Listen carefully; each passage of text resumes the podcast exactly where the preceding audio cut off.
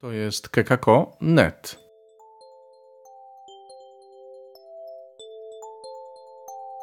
Między wiarą i nauką Chrystus zmartwychwstał. Witajcie.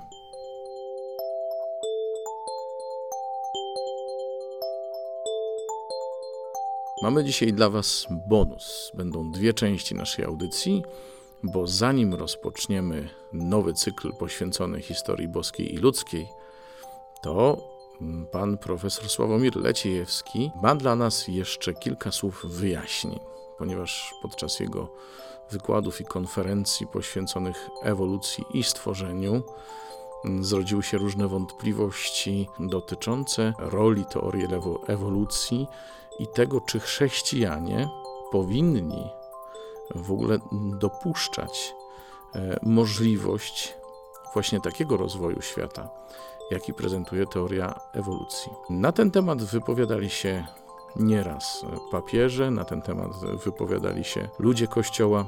Profesor Sławomir Leciejewski również powoła się tutaj na autorytety i skomentuje ich wypowiedzi. Zapraszam książce księdza profesora Michała Hellera i księdza profesora Tadeusza Pabiana, zatytułowanej Stworzenie i początek wszechświata, jak pogodzić wiarę w stworzenie świata przez Boga z wiedzą naukową, na stronach 142-143 znajdujemy bardzo trafne podsumowanie rozdziału, w którym autorzy zestawiają ze sobą dwie bardzo ważne idee: stworzenie oraz teorię ewolucji. W wielu chrześcijańskich środowiskach intelektualnych, nawet tych, które bezpośrednio nie pozostają pod wpływem ideologii kreacjonizmu naukowego lub teorii inteligentnego projektu, można dziś zaobserwować irracjonalny lęk przed teorią ewolucji. Źródłem tego lęku jest z jednej strony jedynie pobieżna znajomość tego, czym w rzeczywistości jest teoria ewolucji, z drugiej zaś funkcjonujący w świadomości wielu wierzących stereotyp, zgodnie z którym ewolucja wyklucza stworzenie. Argumenty sformułowane w tym rozdziale nie pozostawiają wątpliwości co do tego, że w rzeczywistości nie ma żadnego konfliktu pomiędzy teorią ewolucji i teologiczną doktryną o stworzeniu świata przez Boga. Oczywiście doktrynę tę można pogodzić z różnymi teoriami współczesnej nauki, które badają i wyjaśniają mechanizmy odpowiedzialne za pojawienie się i ewolucję życia. Warto jednak na koniec jeszcze raz przypomnieć zasadę świętego Augustyna. Teologia, jeśli nie chce narazić na ośmieszenie chrześcijańskich prawd wiary, musi brać pod uwagę przede wszystkim te ustalenia nauki, które są dobrze uzasadnione, i te teorie naukowe, które są dobrze potwierdzone. Dziś nie ma już żadnych wątpliwości co do tego, że ewolucja jest faktem, a teoria ewolucji, która ten fakt opisuje i wyjaśnia, jest wiarygodna i dobrze potwierdzona. Co więcej, teoria ewolucji jest nie tylko jedną z podstawowych teorii biologicznych, ale cały współczesny naukowy obraz świata jest ewolucyjny. Od wielkiego wybuchu, poprzez erę promieniowania, epokę galaktyk i ich gromad, aż do zawiązania się ewolucji biologicznej na planecie Ziemia i rozbłysku świadomości u jednego spośród wielu zamieszkujących ją gatunków. Czy zatem osoba religijna musi obawiać się teorii ewolucji? Przecież teoria ta opisuje bardzo dramatycznie ogrom cierpienia i śmierci spowodowane nieustanną walką o przetrwanie w bezlitosnym zwierzęcym świecie. Warto jednak zauważyć, że także teoria grawitacji opisuje spadające z rusztowania cegły, które mogą zabić przypadkowego przechodnia. Teoria pola elektrycznego i magnetycznego opisuje przepływ prądu przez mięśnie serca osoby śmiertelnie porażonej prądem itd. Tak Czy zatem tylko dlatego, że dana teoria opisuje trudne do zaakceptowania fakty, mielibyśmy ją odrzucić? Ksiądz profesor Michał Heller podczas wywiadu na kanale YouTube'owym Nauka to lubię na pytanie, czy widzi ksiądz konflikt pomiędzy nauką i religią, udzielił następującej odpowiedzi. Między nieoświeconą wiarą i prymitywną nauką jest konflikt. Między wiarą otwartą i nauką o szerokich horyzontach nie ma konfliktu. Jest jakieś wzajemne uzupełnianie się. Warto zatem szukać tego, co łączy naukę i religię, a nie kurczowo trzymać się jakichś nieaktualnych, antycznych obrazów świata, tylko dlatego, że ich cienie znajdujemy w przekazach biblijnych z Księgi Rodzaju.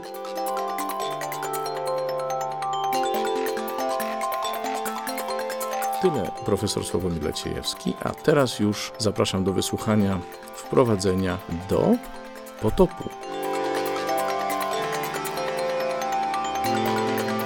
Najpierw krótkie wprowadzenie. To jest takie wprowadzenie w ogóle do Księgi Rodzaju, a zwłaszcza do tych pierwszych 11 rozdziałów, tak? E, że Księga Rodzaju to jest taka swoista teologia historii. To, to, to znaczy takie, taka próba dostrzeżenia rozwoju historii świętej, czyli tego, kim jest Bóg, w jakich On chce relacjach być z nami, w ramach historii świeckiej, czyli tego, co się w świecie dzieje. Motorem tej historii jest sam Bóg i to nam pokazuje Księga Rodzaju, który działa w świecie, okazuje swoją chwałę. Historia jest uporządkowana według określonego schematu. Mamy patriarchów, eksodus, wędrówkę przez pustynię, podbój ziemi obiecanej, a to wszystko jest zapoczątkowane czy poprzedzone tak zwaną prehistorią biblijną. I my cały czas tą prehistorią biblijną się tutaj e, zajmujemy, czyli tym, co jest w rozdziałach od pierwszego do 11. I następstwo wydarzeń po stworzeniu, czyli po tym, co się działo w, co jest opisane w rozdziałach pierwszym i drugim Księgi Rodzaju, jest takie, że grzech spowodował dekadencję ludzkości. To już się zaczyna w rodzaju 3 i że już nawet zwykłe ludzkie życie okazuje się niemożliwe. No i tutaj mamy tą historię słynną, znaną Kaina i Abla z Księgi Rodzaju, rozdział czwarty. Później Konieczną staje się zagłada, o tym sobie powiemy za chwilę więcej, czyli o potopie z Księgi Rodzaju 6, 9. Z jednego sprawiedliwego odradza się nowa ludzkość, to jest Księga Rodzaju, e, rozdział 10. Niestety taka, która się nie za bardzo zmieniła, bo jak zobaczymy, że przed potopem i po potopie się dzieje dokładnie to samo, tak? I tutaj mamy przykład słynna wieża Babel z rozdziału 11 e, Księgi Rodzaju.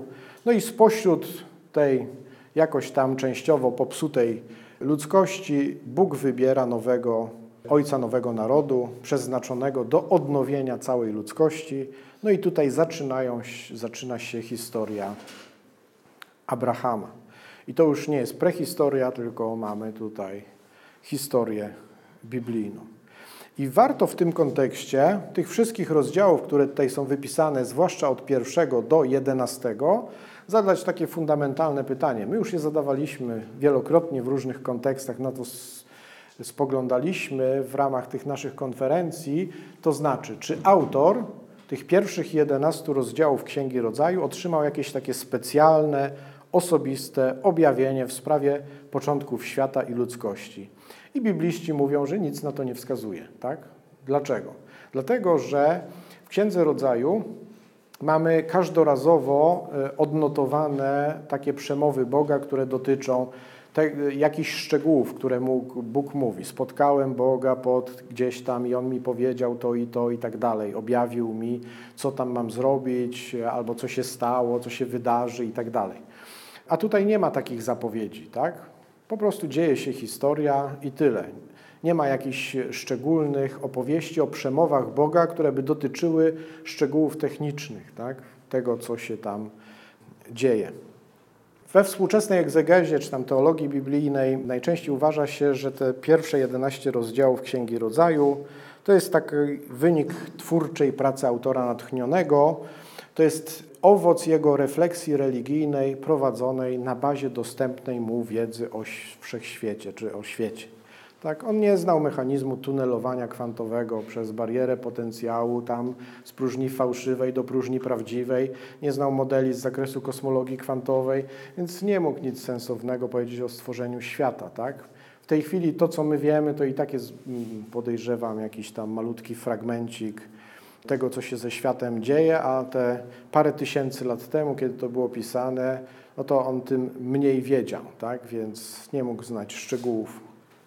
Tutaj y, mówi się najczęściej, że ten autor, czy w zasadzie autorzy, bo to jest grupa autorów, tam są cztery tradycje, elohistyczna, jachwistyczna, kapłańska i deuteronomiczna. Nie chciałbym w to wchodzić, bo to tam biblistów to interesuje, e, ale autor, w zasadzie autorzy zachowują się jak taki, tacy mędrcy. Autorzy zachowują się jak mędrcy zgłębiający i wykładający rzeczywistość.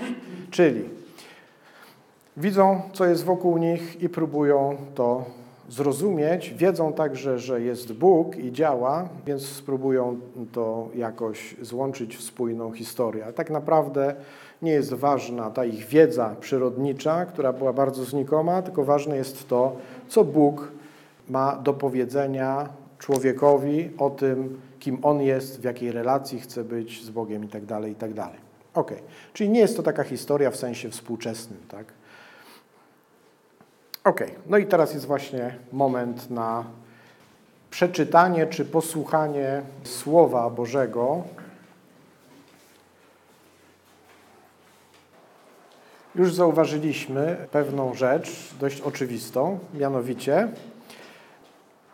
że jest to najobszerniejsze opowiadanie z prehistorii biblijnej. Prehistoria biblijna to jest Księga Rodzaju 1 do 11, a tutaj mamy taki praktycznie połowa całości, to jest ta historia o Noem. To wiadomo o czym opowiada, to słyszeliśmy, czyli ogromny potop wyniszczający wszelkie istoty żywe. To, to opowiadanie ma bardzo złożony charakter, tak naprawdę jest złożeniem z dwóch opowiadań i dlatego są tu i powtórzenia, i rozbieżności. Więc jeżeli ktoś by chciał je traktować literalnie, to się mocno przejedzie, tak? Bo na przykład mamy coś takiego. Na przykład Bóg dwa razy widzi zepsucie ludzi. Ok, mógł je widzieć wiele razy, tak? Ale Bóg zapowiada nadchodzącą katastrofę, też zapowiada dwa razy. Na przykład Noe dwa razy wchodzi do arki, jak słyszeliśmy. Tak? Jest to w wersecie siódmym i trzynastym rozdziału siódmego. Tak? Potop się zaczyna też jakby dwa razy. Tak? Do tego wody się podnoszą, dwa razy jest to opisane. To są rozdział, a tu są wersety. Tak? Rozdział siódmy, werset 17-18. Tak? Umiera wszelkie ciało, też jest to opisane na dwa sposoby. Też potop ustaje, też to jakby dwa razy jest opisane i nigdy więcej nie będzie potopu i to też jest dwa razy powtórzone. Czyli mamy tutaj taką kompilację z dwóch tradycji. Jak pamiętamy, te dwie tradycje były biblijne, były obecne w tych opisach stworzenia. Tak? Jedna była kapłańska, druga jachwistyczna, a tutaj jest taka kompilacja tych dwóch Y, tradycji, czyli te różne fragmenty powstawały też w różnym czasie. Jedne w 11 tysięcy, znaczy w XI wieku przed y, Chrystusem, inne y, w V wieku, tak 500 lat przed pojawieniem się Chrystusa. Ale to, to nie jest problem, tak naprawdę problemem są rozbieżności. I znowu, gdybyśmy chcieli traktować na serio, literalnie, to zobaczmy. Do arki zabrano po jednej parze z każdego gatunku zwierząt, z bydła ptaków, a gdzie indziej jest napisane, że zabrano po siedem par zwierząt czystych i po parze zwierząt nieczystych. Tak?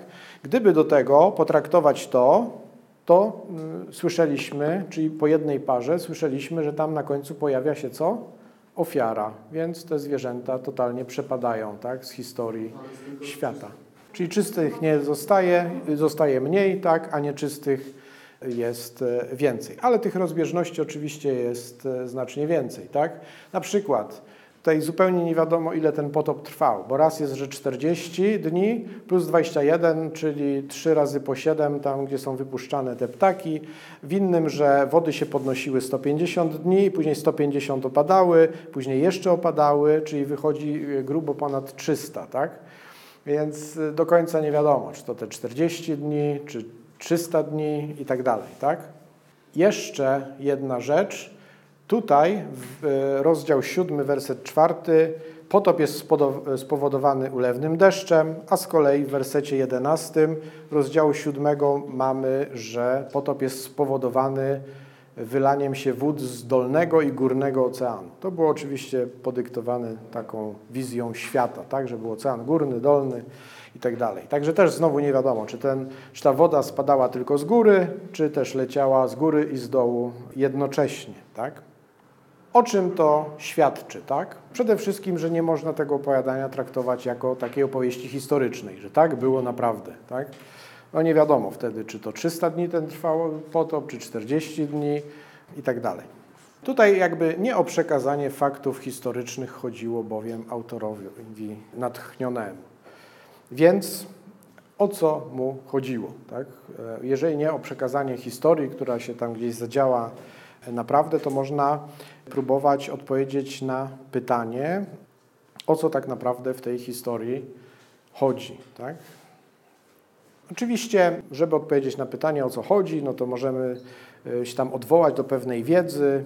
Widać, przynajmniej ci, którzy się na tym znają, widzą, że tutaj są wykorzystane pewne tradycje e, mityczne, podania sumeryjskie, mezopotamskie, akkadyjskie, aby co zilustrować i uwypuklić. Czyli nie chodzi o tą historię, którą można też wyczytać u innych ludów dookoła, tylko o to, żeby powiedzieć, że Bóg jest sprawiedliwy, ale także miłosierny. Tutaj oczywiście, jak to miłosierny? Wywalił wszystkich, tak? Ale nie tych, którzy mu zaufali, tak? Czyli ktoś poszedł za jego słowem, mu zaufał, ten ocalał, tak? Kto nie chciał głosu Bożego słuchać, no to skończył marnie, tak? idea godności człowieka i zranienia tej godności. Tak? Czyli człowiek jest tak ważny, że jeżeli sam siebie będzie niszczył, no to po prostu skończy marnie. Tak? I Bóg jakby się nie godzi na to, żeby człowiek, jako jego stworzenie, sam siebie prowadził do jakichś skrajnych sytuacji.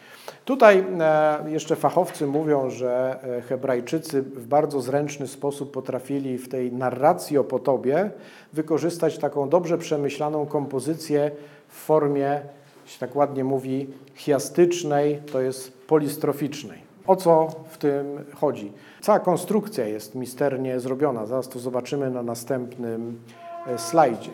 Tutaj Chodzi o to, że poszczególne elementy pierwszej części odpo mają odpowiedniki w drugiej części, z wyjątkiem wprowadzenia, czyli wersetów 9, 10 z szóstego rozdziału. Ale cała późniejsza kompozycja, gdyby się tak miało dziać naprawdę, no to byłoby dość ciekawie. Jest to dość ciekawie zrobione. Zaraz e, zobaczymy to. Tutaj mamy nieprawość wśród Bożego stworzenia i to są wersety 11-12. Później pierwsza mowa Boga, przesłanie zniszczyć. Wersety 13-22, rozdział cały czas szósty. Tu zaczyna się rozdział siódmy, mamy drugą mowę Boga, wejdź do arki. I to są wersety od pierwszego do dziesiątego. Dalej mamy początek potopu, wersety 11-16 i wody, które się podnoszą, czyli wersety 17-24 rozdziału siódmego. No i tutaj jest punkt kulminacyjny, tak? Ale Bóg wspomniał na Noego. I wszystko, co tutaj było zapisane, się odwraca. Tak? Czyli tutaj wody idą w górę, Bóg wejrzał na Noego i co się z tymi wodami dzieje? Opadają. Opadają, tak? I mamy ustępowanie wód potopu i to jest początek rozdziału ósmego. Dalej mamy Tutaj potop się zaczął, a tutaj się kończy. Tak? I to są wersety 6, 14. Dalej mamy trzecia mowa Boga. Zobaczmy, tutaj mieliśmy wejdź do arki, a tutaj mamy wyjdź z arki. 15-19 wersety. Dalej mamy zniszczyć, a tutaj Bóg postanawia zachować świat. Tutaj mamy zniszczenie, a tutaj mowa o tym, że Bóg chce zachować. Wersety 20-22 z rozdziału 8. I na koniec tutaj mamy nieprawość, a tutaj przymierze. Tak? I zobaczmy, jak to jest e, misteryjnie e, skomponowane. Tak? Jeżeli miałaby to być prawdziwa historia, to ktoś musiałby się nieźle, że tak powiem, napocić. Tak? Chodziło o to, jak zwykle, wiecie Państwo doskonale, że mało kto wtedy umiał co robić? Czytać i pisać, tak? Więc trzeba było historię tak komponować, żeby one były łatwe do zapamiętania. Jeżeli mamy tutaj takie odpowiedniości, jedno drugiemu odpowiada i moment centralny, to znacznie łatwiej jest to zapamiętać, żeby przekazywać w tradycji ustnej. I znowu, nie o to chodzi, żeby przekazać fakty, tylko o to, że jest tu jakieś konkretne przesłanie teologiczne. Teraz y, y, tak w skrócie sobie przebiegniemy, żeby jakby podsumować tą teologię, którą można z tego fragmentu wyciągnąć. Tak? Tutaj mamy te wersety 9-13 z rozdziału 6. Ludzki bunt przeciw Bogu spowodował wtargnięcie chaosu. Jedynie Noe jest prawy i nieskazitelny, ostatni z tych, o których powiedziano, że chodził z Bogiem. Kto chodził z Bogiem wcześniej? Adam. Tak? I tutaj mamy nawiązanie. To będzie później bardziej y, widoczne. Tak? Że tu jest bardzo y, mocne są analogie pomiędzy Adamem a Noem. Zaraz będzie to lepiej widać. Później mamy zbudowanie arki. Noe otrzymuje od Boga rozkaz zbudowania arki. Ja tu specjalnie takie obrazki zabawek kreacjonistycznych ze sklepów pewnych tam denominacji, o których nie będę tutaj wspominał. Ale to jest mocne, tak? Że słowo arka, które jest tutaj użyte, to jest dokładnie to słowo, które później w Księdze Wyjścia jest na określenie kosz, który unosi Mojżesza. Zobaczcie Państwo, to jest coś, co ratuje życie. Ktoś czyha na to życie, i to życie poprzez ten kosz, czyli ten projekt Boży, zostaje uratowane. Tak? I to jest jedno z tych bardzo ważnych przesłań. Za chwilę troszeczkę e, głębiej w to wejdziemy, ale to jest e, bardzo ważne. To jest to samo słowo, arka i kosz. Tutaj mamy konkretną osobę, która jest uratowana. Ktoś czyha na jego życie, a ta arka, ten kosz daje mu ocalenie. Czym tak naprawdę jest ta arka? Czym tak naprawdę jest ten kosz? O tym dopiero dowiadujemy się od ojców Kościoła, ale to za paręnaście slajdów, bo to jest bardzo ładna klamra. Tutaj zostaje Noemu odsłonięty cel budowania arki. Noe oraz jego najbliższa rodzina wraz ze zwierzętami zostaną ocaleni i Bóg zapowiada, że zawrze przymierze. I tutaj można by się e, zapytać, no przed chwilą mówiłem, że Bóg nie robi przemów tak, dotyczących szczegółów budowy świata. Tutaj mamy przemowę, tak, ale czy one e, dotyczą tego, w jaki sposób Bóg chce, że tak powiem, przeprowadzić potop? Nie.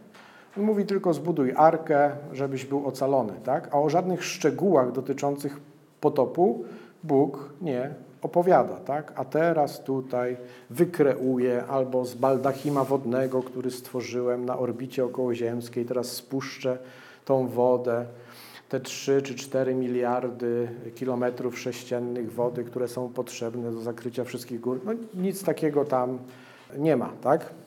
Mamy wejście do arki, potop będzie wynikiem czterodniowego deszczu. Tutaj akurat w tych wersetach 1.16 jest taki opis y, z rozdziału 7. E, niszczące wody zostaną uwolnione z uwięzi w 17 dniu drugiego miesiąca w 600 roku życia Noego, a więc gdzieś, jak niektórzy wykoncypowali, na przełomie maja i czerwca. Jakiegoś tam roku, nie wiadomo jakiego. Dalsze wersety 17-24 z tego samego rozdziału 7 mówią o arce, która unosi się na wodach potopu. Tak? Wszystkie istoty żywe, z wyjątkiem tych, które były w arce, zostały wyniszczone. Wody zakryły wszystkie najwyższe szczyty górskie, czyli musiały się podnieść o ile kilometrów? Prawie 9 kilometrów, tak? Czyli 9 kilometrów wody dookoła całego świata. E, w Księdze Rodzaju, cały czas w niej jesteśmy, tutaj ósmy rozdział, wersety 1-19, mamy o ustąpieniu wód potopu. I to jest, e, jak Państwo e, zobaczyliście, to troszeczkę przypomina to, co jest opisane w rozdziale pierwszym Księgi Rodzaju, czyli to ustępowanie, rozdzielenia tych wód i tak dalej, to bardzo przypomina opis początków stworzenia. Tak? Czyli mamy Noe nawiązuje do Adama, a ten opis ustępowania nawiązuje do początkowych faz stworzenia świata. Tak? I tutaj pamięć Boga o Noem jest dowodem Bożej wierności z jednej strony i uwypukla taką teologiczną myśl o nowym stworzeniu. Czyli, że ten Noe to jest taki nowy Adam. Tak? No i tutaj nagle się zaczyna, nagle się kończy. Arka mogła osiąść na jakimś szczycie. Niektórzy rekonstruują, że jeżeli już to w północno-wschodniej Armenii, na tej górze Ararat, jeżeli tak by to miało być. Później mamy wypuszczenie ptaków, tak? to są wersety 6 do 12. No, otworzył w arce okno, które jednak było umieszczone, że nie mógł zobaczyć otaczającego świata, czyli gdzieś tam w suficie musiało być, że widział tylko, wypuszcza trzy gołębice, tam też była mowa gdzieś o kruku, w międzyczasie się pojawiał, e, także to takie trochę przemieszane jest. Następny fragment, czyli wersety 13-19, no tutaj pojawia się w ogóle taka mocna sprzeczność. W, 6, w 601 roku w miesiącu pierwszym, w miesiącu pierwszym, w pierwszym dniu miesiąca wody wyschły na ziemi, a za chwilę, a kiedy w miesiącu drugim, w dniu 27 ziemia wyschła. Więc w pierwszym dniu pierwszego miesiąca, czy w 27 drugiego. W ogóle nie da się, że tak powiem, tego, jak ktoś to próbuje zharmonizować, to naprawdę nobla za to. Nie da się po prostu, tak? Później Noe i jego rodzina wysiedli na ląd i wyprowadzili te zwierzęta. Kolejny fragment, czyli od wersetu 20 rozdziału 8 do 17 wersetu rozdziału 9 jest ten długi fragment dotyczący przymierza Boga z Noem. Tutaj Bóg postanawia, że już więcej coś takiego się nie wydarzy. To jest e, też ciekawe, bo tutaj jest na przykład uzasadnienie tego postanowienia. Uzasadnienie jest jakie? Bo usposobienie człowieka jest złe już od młodości. I ono jest dokładnie takie samo jak uzasadnienie tego, żeby potop się zaczął. Więc to też e, jakoś tam nie gra, jeżeli czytamy literalnie, tak? Bo taki sam powód jest potopu, jak i ten sam powód jest dokładnie, żeby potopu już więcej nie było, tak? I no oczywiście y, podobne takie rzeczy najprawdopodobniej ludzie ci nie byli w stanie wykoncypować albo może inaczej. Myśli moje nie są myślami waszymi, wasze myśli nie są moimi myślami. Tak i oni się z tym zmagali. Jak tutaj uzasadnić to, co Bóg robi? Tak i różne tam sprzeczności się wkradały, gdy próbowali to zrobić. Tutaj mamy jeszcze początek rozdziału 9. Tutaj e, jest o prawach, które się zmieniają, tak? Są troszeczkę inne. Inne na przykład tam w opowieści o stworzeniu było tak, że rośliny były pokarmem, tak? A tutaj pojawiają się nie tylko rośliny, ale także można spożywać mięso, tak? Ale po odsączeniu krwi wtedy myślano, że krew to jest życie, tak? Więc żeby życia innego nie spożywać. No i tutaj e, ten nakaz płodności też jest e, dwa razy pokazany i on jest taką klamrą, tak? że te wszystkie Boże nowe przykazania pojawiają się pomiędzy nakazem płodności, który zaczyna całą historię i kończy ten e, fragmencik. No i tutaj jest przymierze, zobowiązanie. To też jest bardzo ciekawy fragment, bo on też sporo mówi o Bogu. Nie wiem, czy Państwo pamiętacie, że przymierze w Starym Testamencie, ono zawsze było zawierane pomiędzy dwoma stronami. I każda z tych stron się zobowiązywała do czegoś. Czyli strona A zobowiązywała się do czegoś, strona B zobowiązywała się do czegoś i tak długo przymierze było, czy obowiązywało, kiedy te strony wypełniały swoje zobowiązania. A tutaj jest mowa o przymierzu, i nie ma żadnych zobowiązań po stronie kogo? Człowieka, po stronie ludzi. Zobowiązania są tylko i wyłącznie po stronie Boga. Co to znaczy? Tylko Bóg mógłby zerwać to przymierze. Czyli człowiek nie jest w stanie, cokolwiek by robił, kimkolwiek by był, zawsze jest w stanie być w przymierzu z Bogiem. Nic nie może tego zerwać. Także to jest bardzo ważne, y, wydaje mi się, przesłanie takie teologiczne z tego fragmentu. Może złamać tylko Bóg, a Bóg mówi, że go nigdy nie złamie. Ok. No i teraz przechodzimy do tego, co najważniejsze, czyli jaki jest sens w ogóle tego opowiadania. Skoro on nie mówi o faktach i tak dalej, no to o czym on mówi? Ludzkość mówi o tym, że ludzkość jest odtwarzana na nowo. Tak? Stara era przeminęła. Tutaj mamy opowiadanie o Bożej wielkości, czyli że Bóg może zrobić to, co zechce. Mowa też o ogromie zepsucia. Opis potopu, o czym już troszeczkę wspominałem, on wykazuje sporo podobieństw oraz zasadnicze różnice ze starobabilońskim pierwowzorem, eposem Gilgamesz, który tam się różnie datuje, bo są różne tabliczki podobno, jakieś starsze, młodsze, różne odpisy, więc różne są datowania, ale wszystkie są i tak starsze od tego, co wiemy, że jest zapisane w Biblii. W Biblii jest Najpóźniej ten fragment mógł powstać w XI wieku przed Chrystusem, a ten najwcześniej mógł powstać w jakimś mniej więcej XIV wieku, więc a niektórzy mówią, że w XXIV, więc tam rozpiętość jest duża w datowaniu, ale na pewno jest to e, starsze, a mówi dokładnie o tym samym w szczegółach, tak? Czyli mamy decyzja zesłania potopu jest w Gilgameszu, jest polecenie wybudowania łodzi dla jednej rodziny, polecenie wprowadzenia do niej zwierząt, złożenia końcowej ofiary i są jakieś błogosławieństwa na, na koniec. I to tak jakby żywcem było spisane później w księdze rodzaju. Tylko, że są też małe szczegóły, tak?